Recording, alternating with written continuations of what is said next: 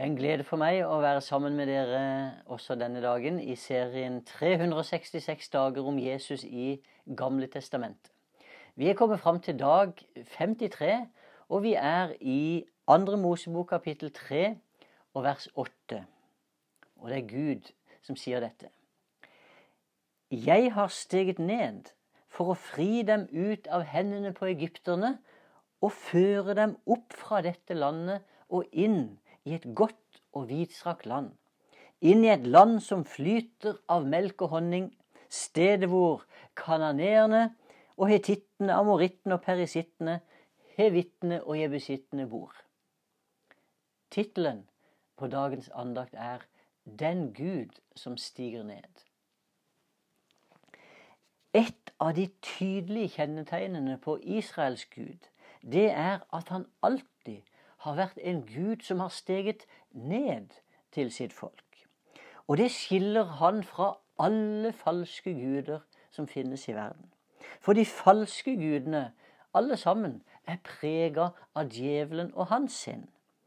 Djevelen, han har alltid forsøkt å innprente den tanken både i mennesker og engler at de skal stige opp for å bli noe annet enn det Gud har satt dem til. Og dette er jo forbundet med djevelens opprinnelige synd. For da djevelen gjorde opprør mot Gud og falt, så var, jo, så var det tanken om å stige opp som forblinder han. Og profeten Jesaja han fikk åpenbart hva som var i djevelens hode da han synda og falt. Det står i Jesaja kapittel 14 om djevelen. Det var du som sa med deg selv. Det var du som sa i ditt hjerte, til himmelen vil jeg stige opp, høyere enn Guds stjerne reiser jeg min trone. Jeg tar plass der guder samles på fjellet lengst i nord. Jeg vil stige opp på haugen av skyer og gjøre meg lik den høyeste. Det var det djevelen prøvde på. Men så kommer det Men til dødsriket er du støtt ned, lengst ned i den mørke hulen. Det var dommen som kom over ham. Den største forskjellen som fins i verden, det er den forskjellen som er mellom Gud og djevelen. I forhold til menneskene så går de to hver sin vei. Djevelen, han ville stige opp for å herske og dominere.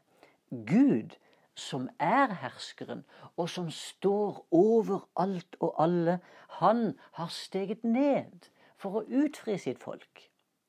Da skriket fra israelittene nådde Guds øre, og han så hvordan egypterne undertrykte dem, ja, så måtte han handle. Han steg ned fra himmelen.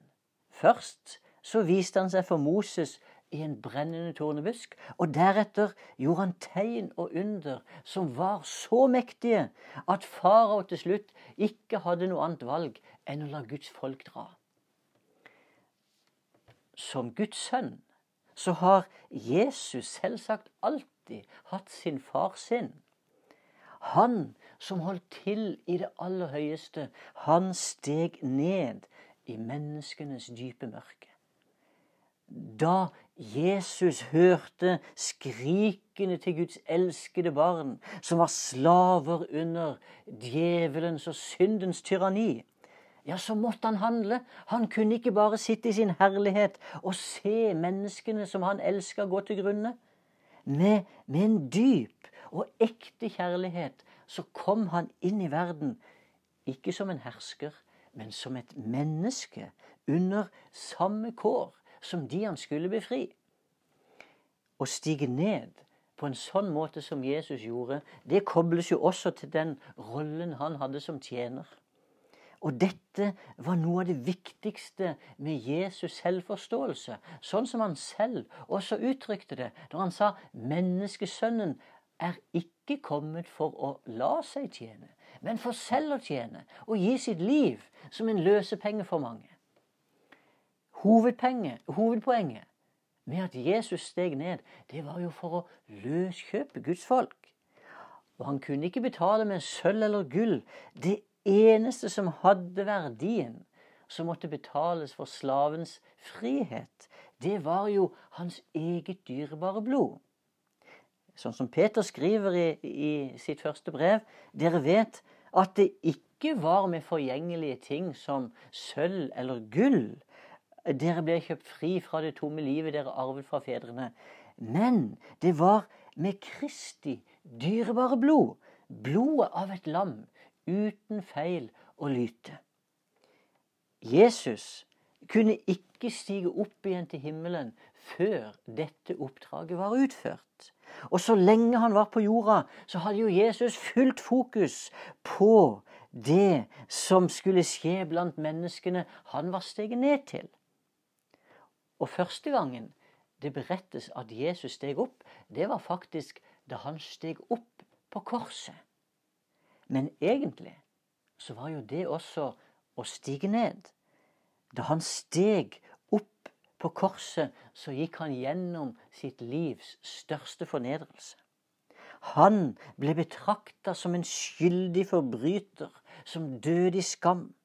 Ved å stige opp på korset, så steg han samtidig ned i det dypeste mørket et menneske kan komme i.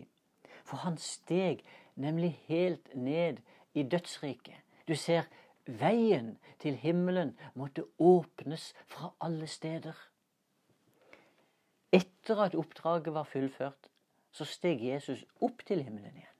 Men han lot ikke oss bli igjen som foreldreløse barn.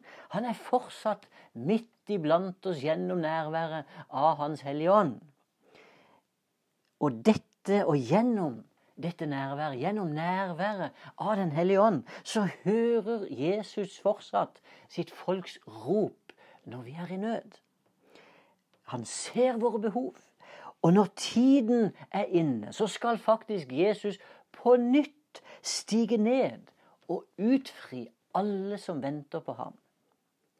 Da kommer han ikke som en tjener, men som kongenes konge og som herrenes herre, som den øverste i hele universet. Den nedstigningen som vi venter på, den overgår alt annet som verden har sett til nå. For da skal jo Jesus også bringe med seg det fullkomne Guds rike. Og da skal han aldri igjen stige opp. Jesus, vi takker deg, og vi priser deg for at du har vist oss hvem den sanne Gud er, også gjennom dette at du steg ned. Takk, Jesus, for at ikke bare du ble i din herlighet, men du hørte ditt folks rop, og du har kommet til oss, og du lever midt iblant oss i dag, og vi priser deg, Jesus, for at du aldri skal la oss bli igjen som foreldreløse barn. Og så takker vi Jesus for at vi, vi venter din gjenkomst i herlighet. Vi venter, Jesus, på at du skal komme igjen for å utfri og hente hjem til deg alle som venter på deg. Herre, vi venter. Og derfor takker vi for at vi skal glede oss til den dagen. I Jesu Kristi navn. Amen.